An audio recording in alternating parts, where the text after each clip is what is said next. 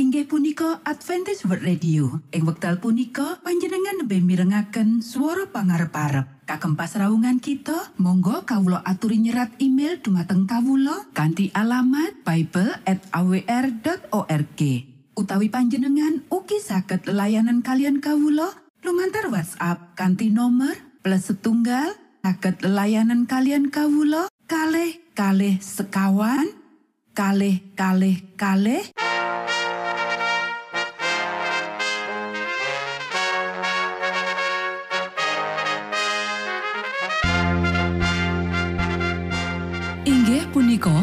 Adventist World Radio ingkang giaran kanthi basa Jawi.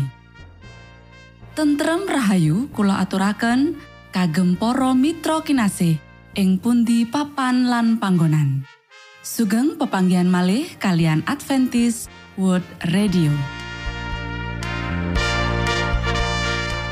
Kanti bingahing manah Kulo badi sesarengan kalian poro mitra kinasi. Lumantar saperangan adicara ingkang sampun rinonci. Mligi kagem panjenengan sami. Mugi giaran punika saged migunani tuwin dados berkah kagem kita sedoyo. Sugeng midhangetaken Gusti amberkahi.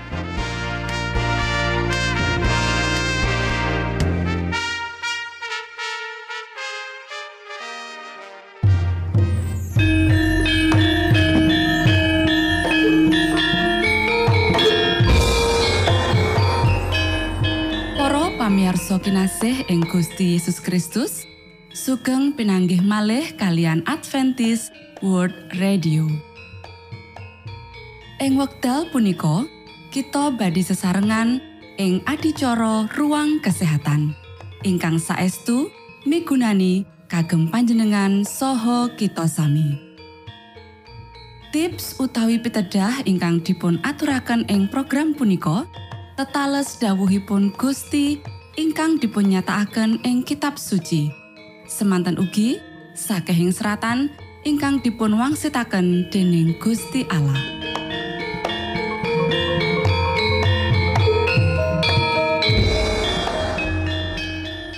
Nanging saderengipun monggo kita sami midhangetaken kidung pujian.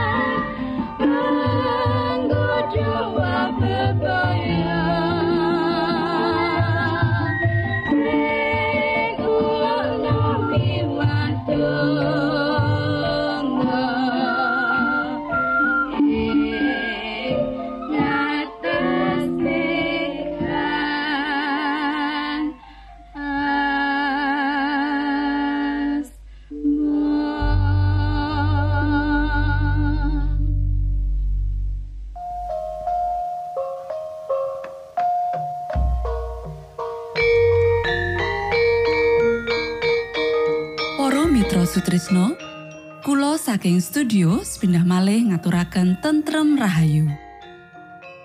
Puji syukur dumateng Gusti ingkang murbeng dumati ingkang sampun kepareng paring wewenngan kagem kita. Satemah saged nglajengaken ruang kesehatan. Pirembakan kita semangke kanthi irah-irahan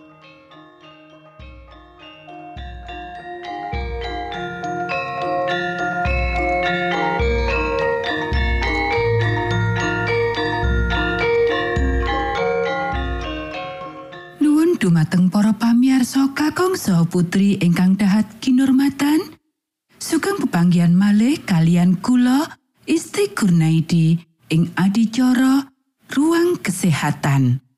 Dinten punika kanthi irah-irahan arteri kang resik. Para sedherek ingkang kinasih wonten ing Gusti Sat aktif panganan lan dedukulan kang asifat neuroprotektif yaiku dulur sayekti kanggo arteri lan otak. Sabab bisa nyingkirake walahan ngendhaleni dadine arteriosklerosis utawa atose arteri Satemah arteri tetep bisa njagani kebutuhan otak lan kesehatan otak kajoko. Para sedherek ingkang kinasih, saiki kita bakal nyinau babakan arteri kang resik. Efek antioksidan kang wis Gustialakan nebi tumrap panganan lan dedukulan kang asifat neuroprotektif bisa ngendhaleni atose arteri utawa arteriosklerosis. Lan iki agawe arteri kang ngirim getih marang otak tetep resik. Lan mesti wae asile bakal dandani pakaryane otak Iki uga papar pisan bakal nglindungi neuron utawa sel saraf otak. Satemah otak bakal kabantu banget supaya tetep sehat. Sakliyane saka kabeh bahan panganan lan dedukulan asifat neuroprotektor kang wis kita sinaoni, isih ana maneh sak jinis panganan kang penting kanggo kasarasan arteri iki. Kuwi ya iku dele utawa soy. Sawijining pasinaon ditindakake ing Lavante University Hospital ing Valencia, Spanyol lan pasinaon iki wis nuduhake menawa panganan kang sugih kanthi dele kang diwenehake marang kewan percobaan wis kabukti agawe kewan percobaan iku luwih tahan marang kondisi obstruksi ing arteri otake. Utawa kedadean kekurangan oksigen lan karusaan kang kedadean marang otak kewan percobaan kasebut luwih sithik. Sakabe pasinaon utawa panaliten padha rupa kang dilakoni uga ngasilake bab kang padha. Para sedherek ingkang kinasih, efek neuroprotektif ing dele kaemot ing kandungan isoflavon. Dadi wong kan konsumsi produk olan dele suke isoflavon bakal ruwih rusak anahan akibat kondisi kurangi getih utawa oksigen ing otak. Jinis panganan kang suke isoflavon ya iku ing sari dele utawa krep kasebut susu dele. Uga produk tahu, becik kang kaolah dadi panganan kang kasebut teksturai soy protein. Kondisi kedadeane trombosis lan emboli ing otak iki kerep kasebut cerebrovaskular accident uga kondisi atose arteri utawa arteriosklerosis kang gandeng jenenge karo tambahi umur ndadekake panyebab utama saka kurangi utawa malah mandeke kanggo sawetara wektu aliran getih menyang otak.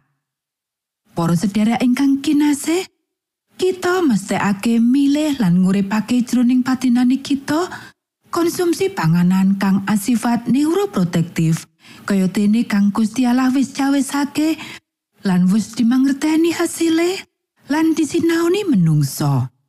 Kabeh mau diemorake karo kabeh elemen pola urip sehat mesti bakal diberkahi Gusti Allah. Matur nuwun, Gusti yang berkahi.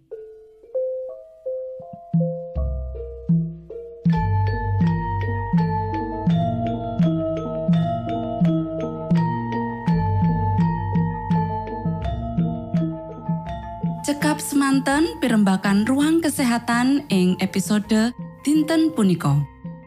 Mugi pisegahan punika saged migunani kagem kita sami. Ugi sampun kuatos jalaran kita badhe pinanggih malih ing episode sak lajengipun.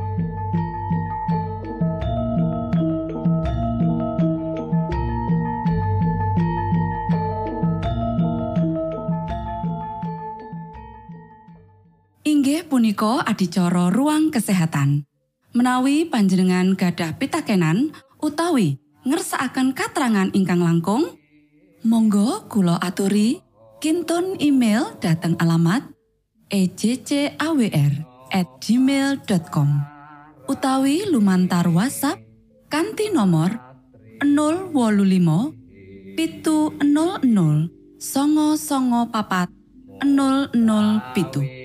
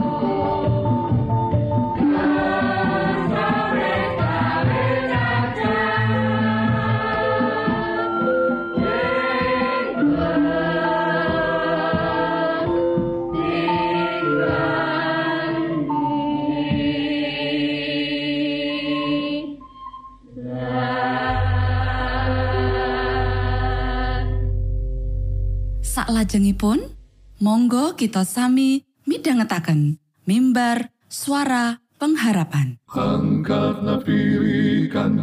Pawarto Sang Kristus paderamu Pro umat samyo puji asmanyo Sang Kristus paderamu Inggih punika mimbar suara pengharapan. Ing episode punika kanthi irah-irahan.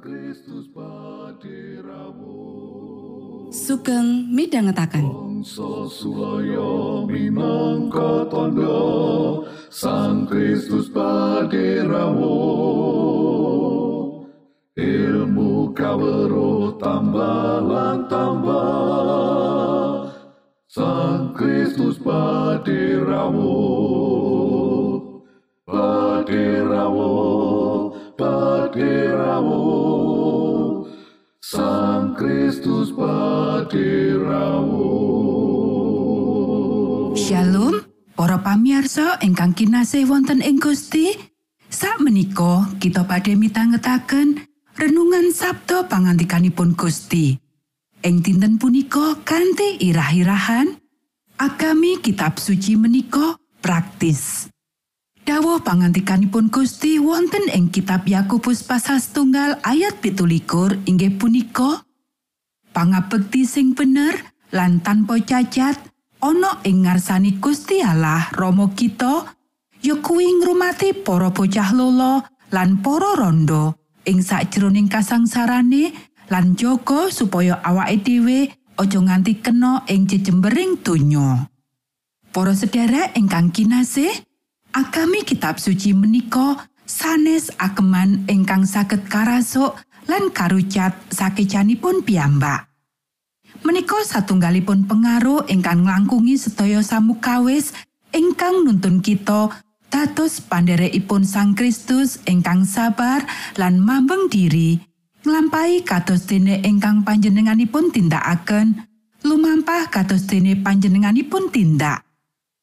Agami menika mucal kita ndadar kesabaran lan ketekunan nalika wonten ing wekdal nalika kita nampi tindakan soro lan boten adil. Namung menawi sabdanipun Gusti Allah katamel dados kegebengan ing salebetipun pagesangan kita, sedaya samukawis ingkang kita tindakaken kepara saben tindakan alit badhe ngendikaaken bilih kita sumende dumateng Gusti Yesus Kristus. Malah kepara penggalihan kita ugi sampun kapilut dumateng panjenenganipun. Menawi sabdanipun Gusti Allah katampi wonten salebetipun manah, pramila sabda menika nyuwungaken jiwa saking kemarman diri lan kumantungipun diri. Pagesangan kita badhe dados setunggalipun kegiatan kagem kasainan. Amargi Roh Suci ngisi penggalihan kita kanthi prakawis-prakawisipun Gusti Allah. Agami Kristus kedah dipun tindakaken amargi pikajengan kita anyondongi dumateng karsanipun Gusti Allah. Para sedherek ingkang kinasih, titipriksanen kitab suci. Boten wonten buku sanesipun ingkang maringi panjenengan penggalihan ingkang sakalangkung murni mekaten, mulyakaken lan ngagungaken. Panjenengan boten saged pikantuk pengalaman agami ingkang kiat saking buku sanesipun ing pundi kemawon. Bilih menawi panjenengan mendhet wekdal kagem niti priksa diri, ndedonga kanthi andaping manah, gegilut sabtanipun Gusti Allah estu-estu, Pramila Roh Suci wonten caket kagem maringi kaleresan wonten salebetipun manah panjenengan. Kitab suci lan namung kitab suci kemawon ingkang kedah dados paugeran kapitadosan kita. Kitab suci menika ronipun witing pagesangan lan kanthi ndahar menika kanthi nampi wonten sakelebetipun penggalih kita pramila kita badhe tuwuh kiat nindakaken dawuh-dawuhipun Gusti Allah. Para sederek menawi kita boten nampi agami Kristus kanthi ndahar sabdanipun Gusti Allah, pramila kita boten badhe kapenggalih pantes lumebet kitanipun Gusti Allah.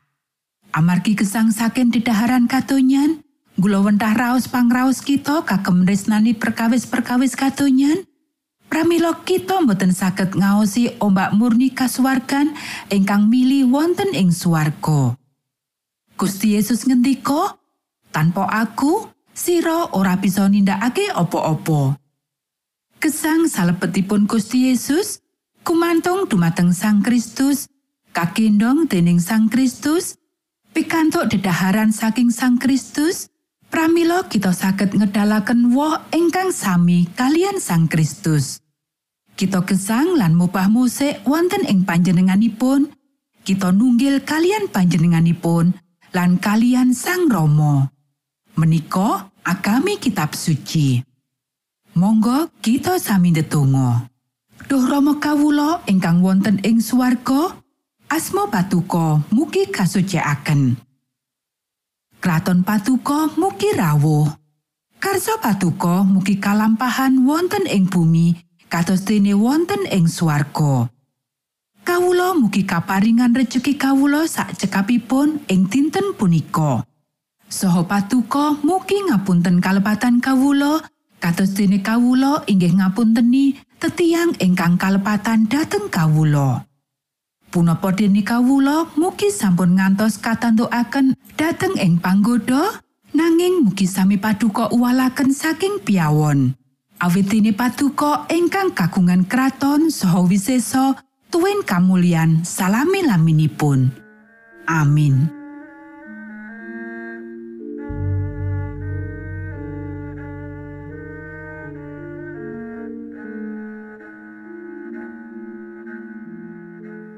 Mitra Sutrisno pamiarsa kinasih ing Gusti Yesus Kristus. Sampun paripurno pasamuan kita ing dinten punika. Inggih awit winatesipun wekdal pramila kita pisah sawetawis. Menawi panjenengan gadah pitakenan utawi ngersaakan seri pelajaran Alkitab suara nubuatan Monggo Kulo aturi kintun email dateng alamat ejcawr at gmail.com utawi lumantar WhatsApp kanti nomor 025 pitu 00 songo songo papat 00 pitu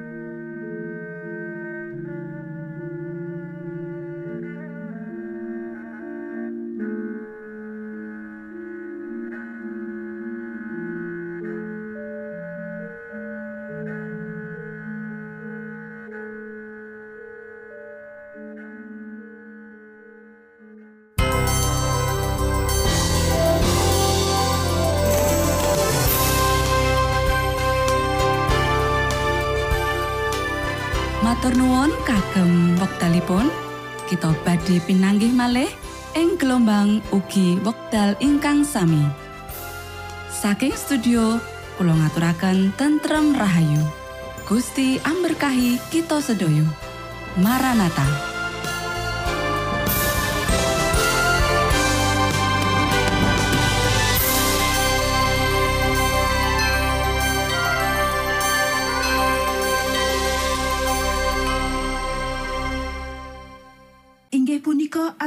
World Radio. Ing wekdal punika panjenengan lebih mirengaken swara pangarep-arep. Kagem pasraungan kita, monggo kawula aturi nyerat email dumateng kawula kanthi alamat bible@awr.org. Utawi panjenengan ugi saged layanan kalian kawula lumantar WhatsApp kanthi nomor plus setunggal saged layanan kalian kawula kalih kalih sekawan kalih kalih kalih